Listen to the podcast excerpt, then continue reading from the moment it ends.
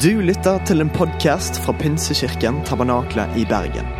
Vi tror at kirken skal være en plass hvor mennesker trives gjennom alle livets faser. En kirke for hele livet. Ønsker du å bli bedre kjent med oss eller holde deg oppdatert? Besøk vår Facebook-side eller ptb.no. Her er ukens tale.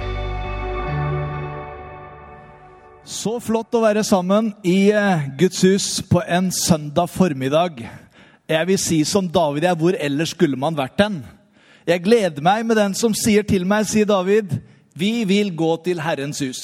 Så det er ikke noe spørsmål hjemme hos oss skal vi i kirken på søndag eller ikke. Det er liksom så inngrodd i vanen at det er jo selvsagt skal vi det. Og så gjør vi alt det andre etterpå når vi har vært i Guds hus. For da har du en riktig start og en god eh, påfyll. Det begeistrer meg. Jeg vet ikke om det begeistrer deg. En annen ting som begeistrer meg, er jo også som Ida, at det er sol og fint vær. Og for en som er født i Argentina og liker grilla kjøtt, så er jo det helt fantastisk å tenne grillen og bare kjenne at det oser av holdt på å si, godt stekt kjøtt på grillen. Du fikk lyst til å hjem og grille etter hvert nå. Ja, eh, Det er sånne ting som begeistrer, og som eh, får lov til å begeistre oss innimellom. Men i dag så skal jeg snakke om en helt annen begeistring. Som eh, er så mye, mye bedre enn både sol og sommer og kjøtt og fint vær og alt det som vi kan gjøre. Og det handler om gleden i Herren, som er vår styrke. Gleden i Herren er min styrke. Jeg vet ikke hvor mange sanger som har vært skrevet med det type innholdet. Enten direkte eller eh, forskjellige vers som har eh, blitt skrevet om det.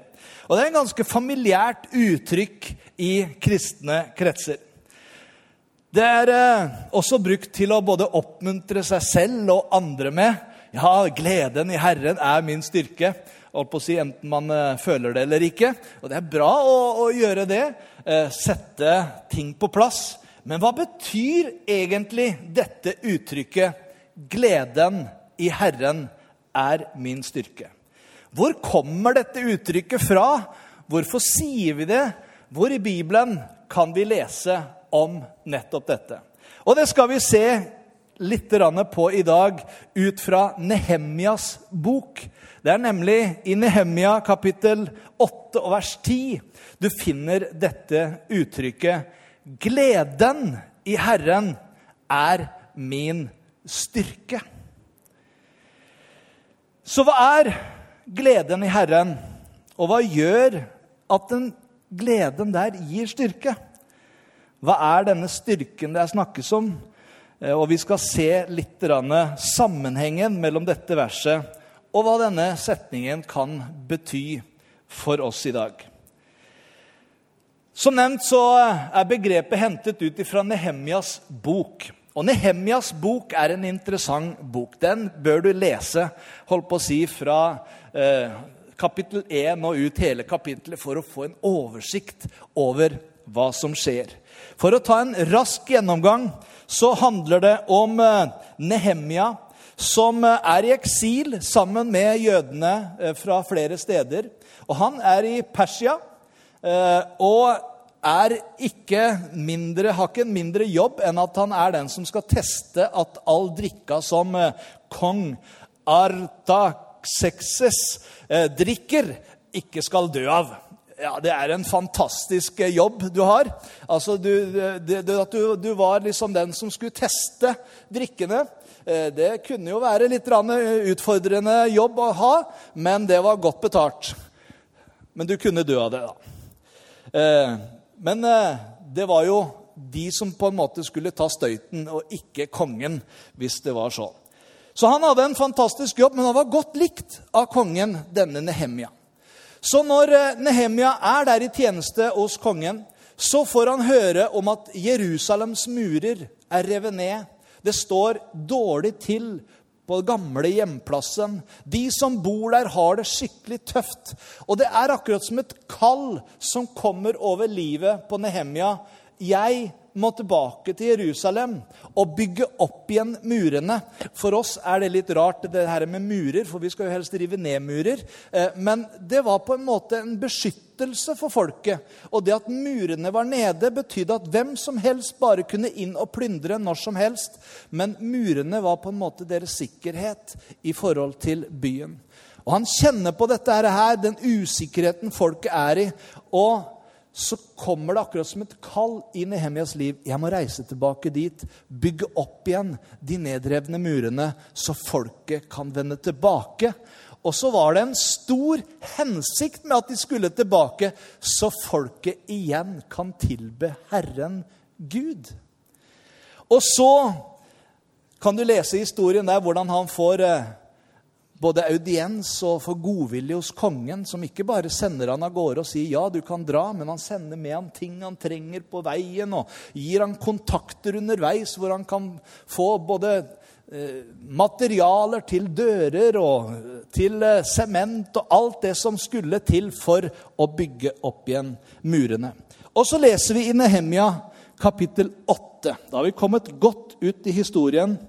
Da har Nehemia sammen med mange folk, bygd opp igjen murene. Folk har vendt tilbake. Og hva er mer naturlig da enn å gjøre det vi gjør i dag? Å ha gudstjeneste. Så når alt er ferdig, så samles de utenfor Guds hus, og så leser vi sammen. De forklarte og veiledet dem til å forstå det de leste. Nehemia, som var statsholder, og Esra, presten, den skriftlærde, og levittene som lærte folket, sa til hele folket.: Denne dagen er helliget for Herren deres Gud. Sørg ikke og gråt ikke, for hele folket gråt da de hørte ordene i loven. Da sa han til dem, dere kan gå bort og spise det fete og drikke det søte. Her var det mye grillmat, ser du. Men send også retter til dem som det ikke er gjort noen ting i stand for. Hensynet til andre som ikke hadde. For denne dagen er helliget vår Herre. Sørg ikke, for Skal vi si det sammen? Gleden i Herren er deres styrke. Sørg ikke, for gleden i Herren er deres styrke. Så hva er denne gleden i Herren? Da Esra leser for folket som ikke hadde hørt lovens bok Toran opplest på mange år, hvor Gud hadde gitt sine lover og retningslinjer på hvordan Guds folk skulle være, så begynner de å gråte. Og hvorfor gjør de nå det? Jo, jeg tror det for, måtte ha vært fordi at det skapte en sorg i deres liv om at deres liv og deres oppførsel ikke lenger var i tråd med loven. Når vi føler en sånn type sorg, enten som anger fordi vi lever i synd når vi hører Guds ord forkynt, eller pga. vanskelige omstendigheter som vi kan komme opp i, så lurer vi ofte på hvordan vi skal få styrke fra. Og Da er det viktig å huske for oss også gleden i Herren er min styrke.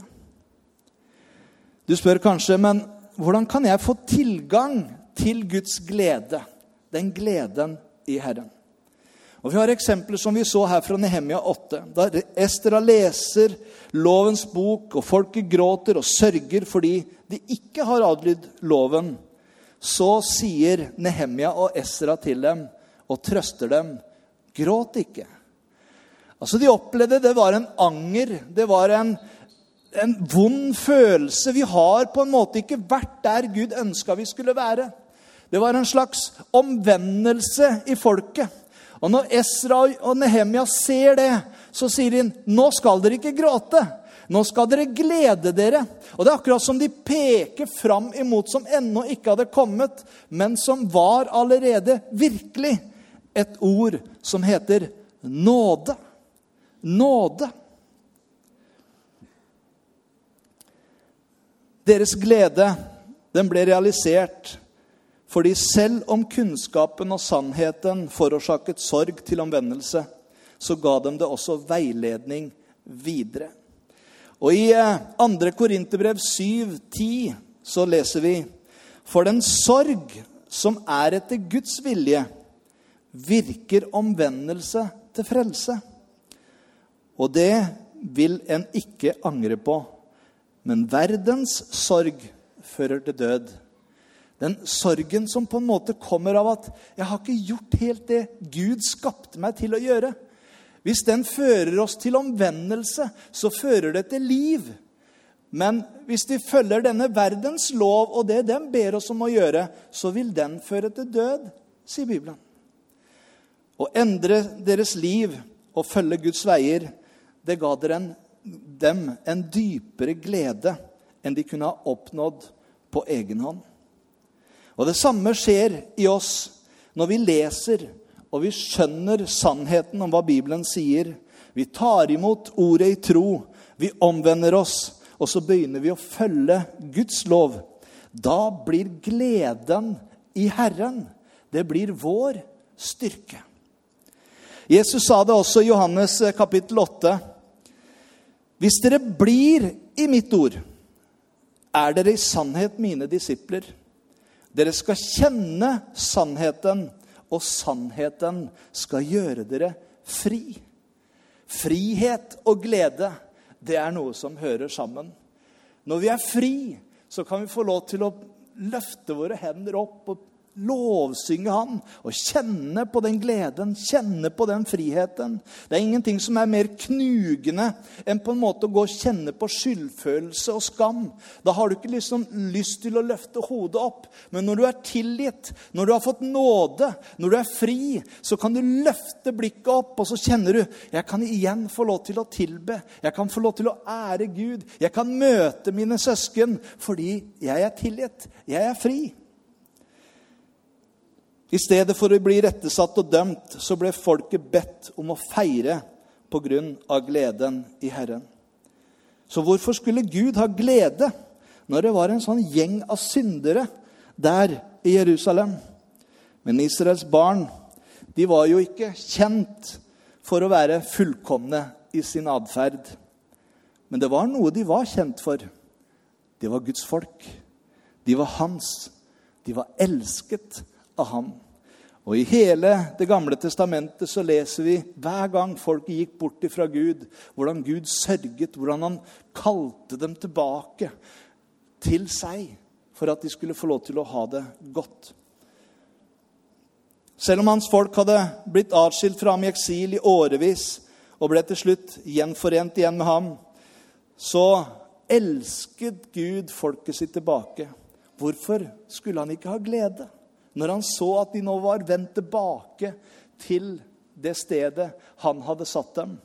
Det var glede både hos Gud og hos mennesker. Martha hun delte så flott her forrige søndag fra Lukas kapittel 15 om tre forskjellige lignelser. Om tapte ting som ble funnet igjen. En sau, en mynt og en sønn. Og alle tre ender med jubel da det som var tapt, ble funnet igjen. Og Jeg tror det er denne gleden som Gud også kjente på her. Folket var vendt tilbake til ham. Så på hvilken måte gir Herren gleden og styrken i gleden? Israels barn de sørget pga. deres manglende evne til å opprettholde loven, som jeg nevnte. Men Gud er kjærlighet. Og Bibelen forteller oss at kjærligheten dekker en mengde med synder. Herrens glede den gir oss styrke til å erkjenne våre feil, men også etter å strekke oss etter Guds gave, Guds kjærlighet og Guds frelse. I Sefania 3, 17 så står det Herren er din Gud er hos deg. Han er den mektige som frelser. Han fryder seg over deg med glede. I sin kjærlighet gir han deg hvile. Han fryder seg over deg med jubel. Jeg husker eh, en av eh, småplassene i Telemark. Der ble en del av de kristne de ble ordentlig sint fordi barnepastoren der hadde satt opp eh, et bilde av Jesus hvor han virkelig ler hjertelig.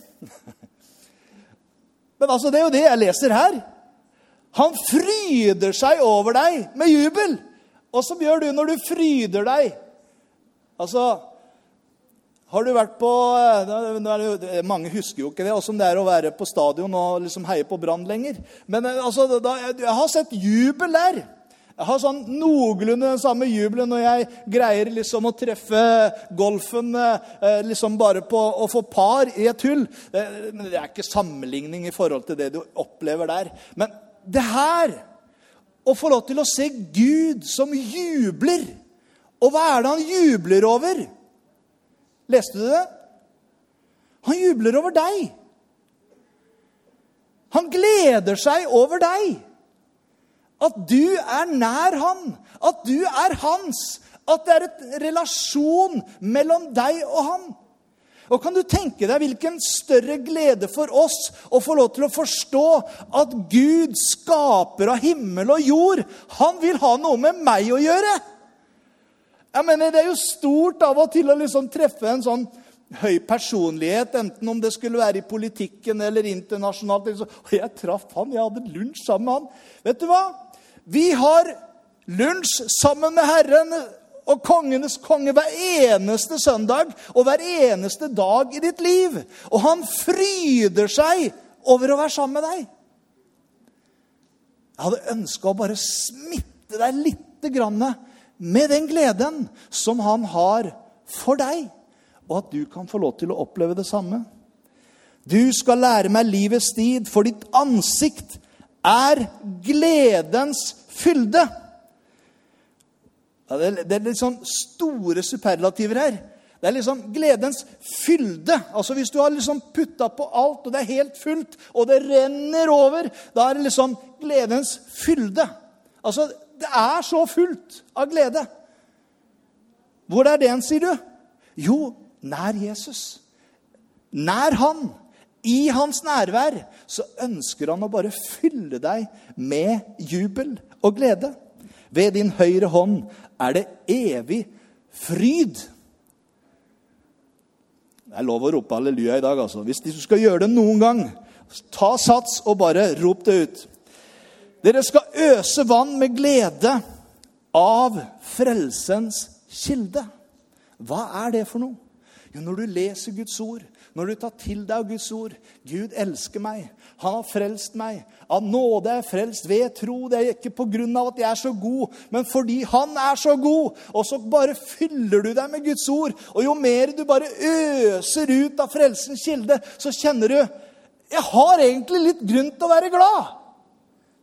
Det er ikke alt som går på skinner, det er ikke alt som er å rope hurra for for tida. Men akkurat dette her, det kan jeg rope halleluja for, fordi det er så bra.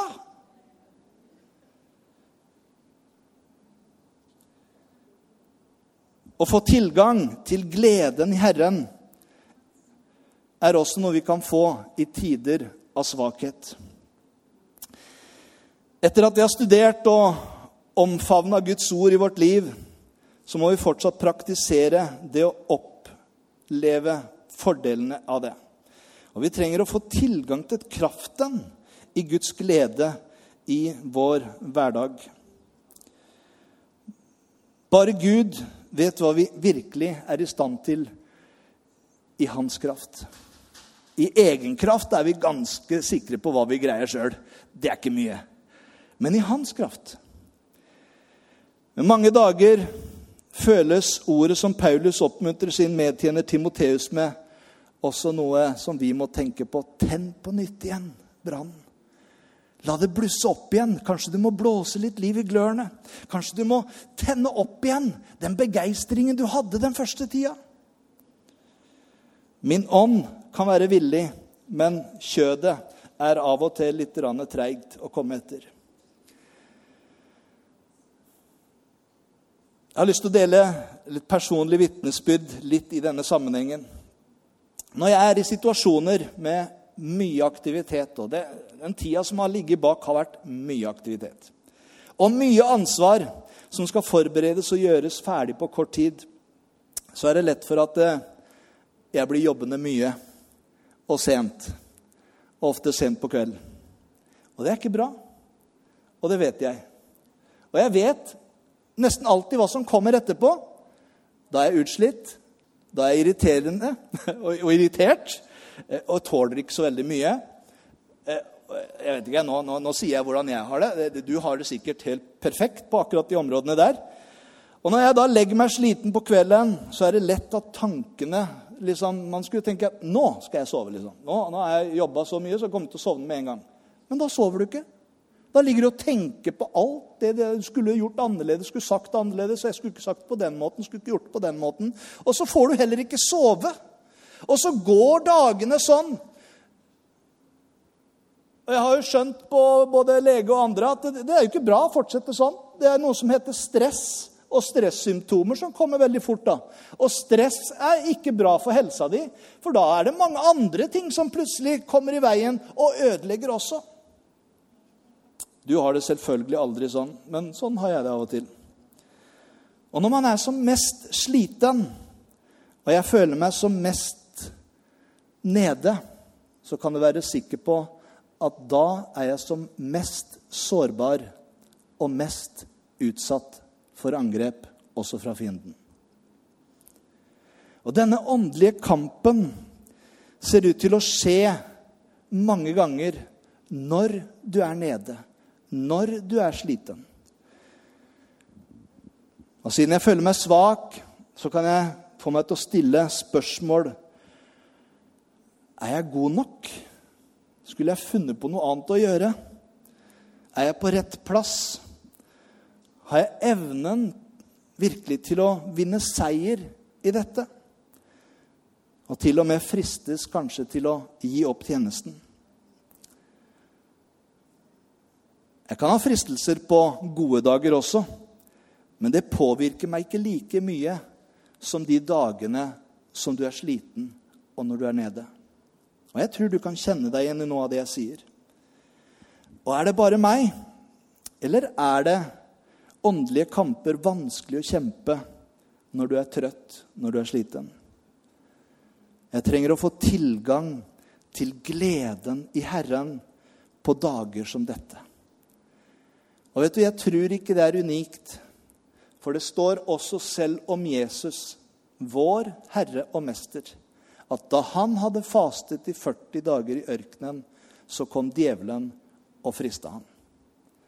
Når han var på det laveste nede, når han var trøtt, når han var sliten, han hadde ikke spist, så kom angrepet også på han. Men så lærer han han en, en lekse som vi kan ta til oss. Vi skal ikke fortsette med dette. Det er noe man må gjøre også sjøl. Men det er noe vi kan lære av Jesus om å ta til oss av den kraften han tok ut fra Guds ord. Og Hver gang djevelen frista han, så svarte han, 'Det står skrevet'. Det står atter skrevet. Og tredje gangen tok han sats og sa, 'Vik bak meg, Satan, for det står skrevet!' Og så vek han fra han, og så fikk han fred. Og det står så fint der, jeg vet ikke om du har lagt merke til det. Da kom engler og tjente ham. Hva var det for noe? Jeg tror rett og slett han ble så oppmuntra. Han kom inn i den der gledens kilde. Og så står det at han da kom ut av ørkenen, ikke slukøra og sliten, men det står 'i åndens kraft'. Så kom han ned, og så går han inn i synagogen og sier 'Herrens ånd er over meg', for han har salvet meg. Og så var han i gang igjen. Gleden i Herren var hans styrke. Og Jeg har lyst til å bare ta fem måter som du kan få lov til å oppleve nettopp dette i ditt liv. For det første så kan du meditere på Skriften. Dette går tilbake til hvordan folk reagerte på Guds lov i Nehemia 8. De lot Guds ord trenge dypt ned i deres sjel, hvor de kunne forandre dem og forvandle dem. Og når du studerer, ikke bare les ordene, men tenk på hva det betyr. Gå dypere. Ha et bestemt vers i tankene for dagen som du kan grunne på i løpet av dagen. Bruk gjerne noen apper eller andre ting som kan hjelpe deg å ha et vers som du går og grunner på i løpet av dagen. F.eks.: Gleden i Herren er min styrke. Når du strever med noe eller er litt fortvila. 2. Timoteus 3, 16 og 17 står det at hele Skriften er innåndet av Gud. Og den er nyttet til lærdom, til overbevisning, til, til rettledning, til opplæring i rettferdighet, for at Guds menneske skal bli satt i stand og godt utrustet til all god gjerning. Det andre du skal gjøre, se etter Gud overalt. Tell alle gavene som han har gitt deg hele dagen lang. Prøv å finne han i de vanlige situasjonene. Det der må ha vært Gud som la til rette det. Har du lagt merke til hvor mange ganger som vi av og til tenker det var tilfeldig at jeg skulle treffe deg akkurat her nå? Nei, det var veldig gudfeldig. Altså, jeg tror Gud han leder oss. Og så kan vi etterpå, når vi legger oss på kvelden, tenke hm, det der var litt spesielt. Det er, det ligner litt Gud, det der, det der å legge til rette på den måten der. At jeg plutselig fikk den tanken der å si at jeg fikk et vers, og at vi liksom skulle møtes på den kafeen. Jeg har jo ikke sett den på lenge, og fikk være til oppmuntring osv. Altså, let etter Gud i det som han gjør. Jo mer jeg fokuserer på Gud, jo mer innser jeg at han er verdig min tillit og er i stand til å ta hånd om alt. Jesaja 26, 3 er et av mine favorittvers. Du skal bevare dem i fred. Ja, i fred. Den som har et grunnfestet sinn, for han stoler på deg. Midt i kaos så kan du få lov til å oppleve fred når du stoler på Gud.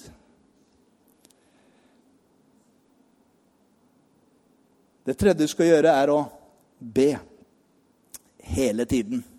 Jeg sier ikke du skal ligge på kne og be 24 timer i døgnet. Men du skjønner hva jeg mener. Altså, Du puster ut og du puster inn hele dagen. Du tenker ikke over det engang. Og på samme måte så kan bønn være en sånn dialog hele tiden.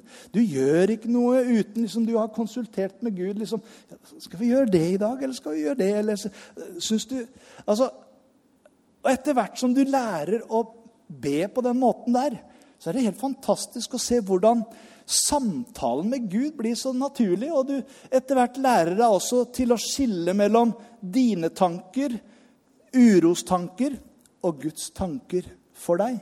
Og så begynner du å lytte inn hans signaler. Be, og det skal bli gitt dere. Let, og dere skal finne. Bank på, og det skal bli åpnet opp for dere. Det fjerde jeg har lyst til å si slipp taket. Å finne glede i Gud betyr å la ham ta kontroll over livet ditt.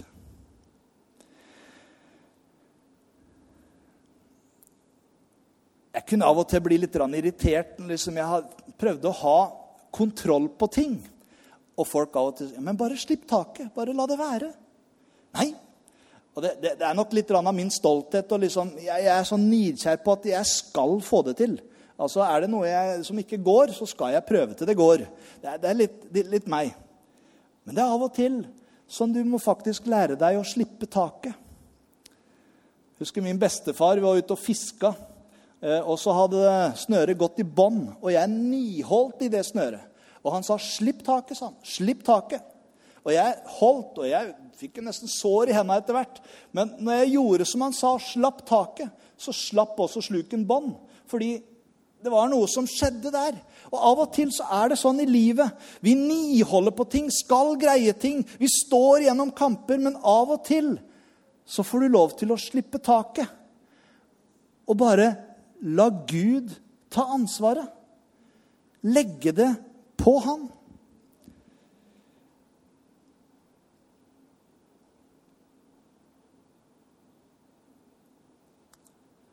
Jeg lærte en definisjon av det å slippe taket av ei som heter Sue Eller.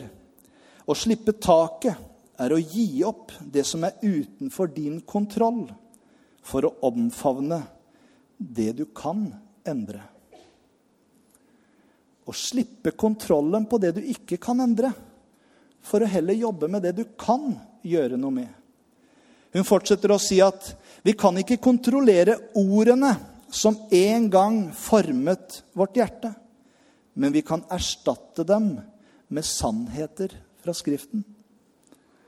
Det er mange som har vokst opp, som har hørt over sine liv at du duger ikke til noen ting, du kan ikke noen ting, du får aldri ting. Altså, man har fått inn det fra de er små. Hva trenger de for noe? Holdt på å si De trenger å bytte ut skipen. De trenger å få mata inn helt andre ting. Mate seg med Guds ord. Hva sier Guds ord om meg? Jeg er hans prinsesse. Jeg er hans sønn. Hans elskede sønn. Jeg han ga sitt liv for meg.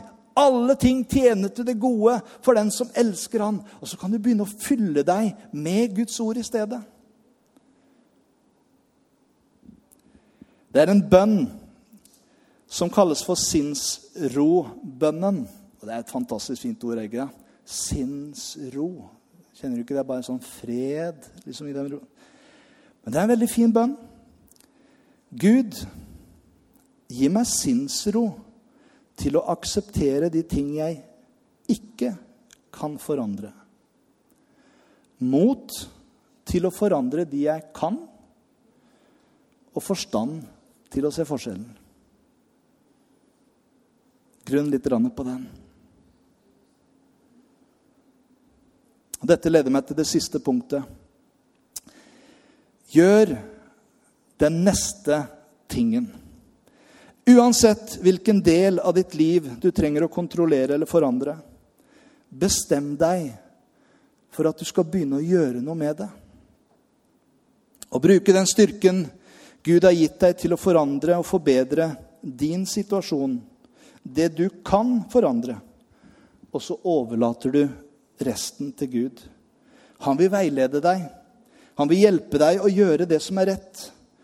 Og Det kan være at du som meg trenger å bli mer proaktiv i forhold til det å ta vare på deg selv. Planlegge tiden bedre. Stresse mindre. Hvile mer. Spise mer sunn mat.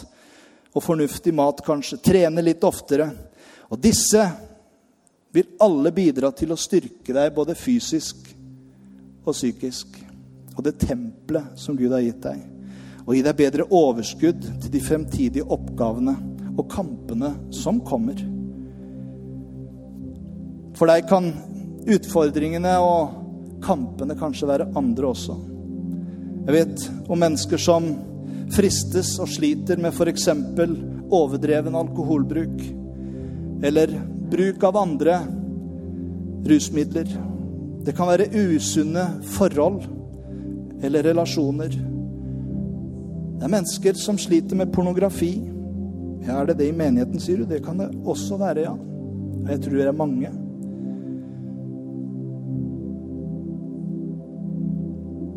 Også situasjoner, seksuelle relasjoner utenfor ekteskapet. Første Korinterbrev 6, 19-20 sier, eller vet dere ikke at kroppen deres er et tempel for Den hellige ånd, som er i dere, som dere har fra Gud? og at dere ikke tilhører dere selv. Dere er kjøpt med en høy pris. Gi derfor ære med kroppen deres og i deres ånd, for begge hører Gud til. Så hva er denne styrken? Styrken som Gud gir oss, tror jeg heter med stor skrift nåde. Til hver av oss er nåden gitt. Om du skulle slite med noen av disse tingene, så er det ikke fordømmelse over deg, akkurat som det var for folket i Jerusalem under Nehemjas tid. Hvor de gråt og angra, men fikk lov til å høre ord om nåde. At Gud gleda seg over dem, at de kunne komme tilbake, vende tilbake. Til hver av oss er nåden gitt, så la oss hylle Gud for den fantastiske nåden han har vist oss ved at vi tilhører Hans elskede Sønn. La oss derfor komme fram for nådens trone med frimodighet, så vi kan få miskunn og finne nåde til hjelp i den tid vi trenger det. Og den nåden han gir oss, er nok for alt i våre liv. Jesus at min nåde er nok for deg, for min kraft blir fullendt i svakhet. Så hva betyr dette? Jo, gleden i Herren er min styrke. Og når vi fylles og aksepterer Hans rettferdighet ved nåde, som gjenforener oss slik at vi kan nyte Guds nærvær, så er vi inne i en helt annen situasjon. Og jeg avslutter med disse versene. For Guds rike består ikke i å spise og drikke, men i rettferdighet, fred og glede i Den hellige ånd.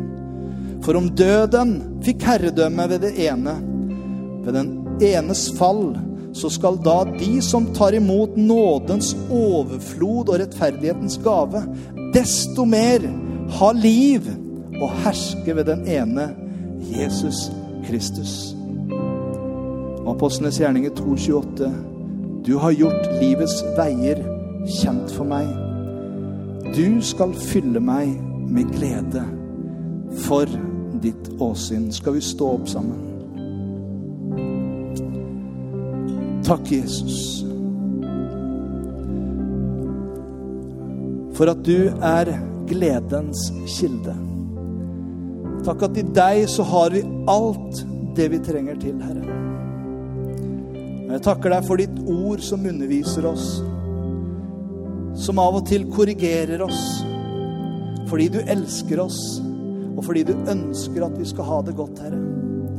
Og jeg takker deg for at du kjenner hver eneste en av oss her.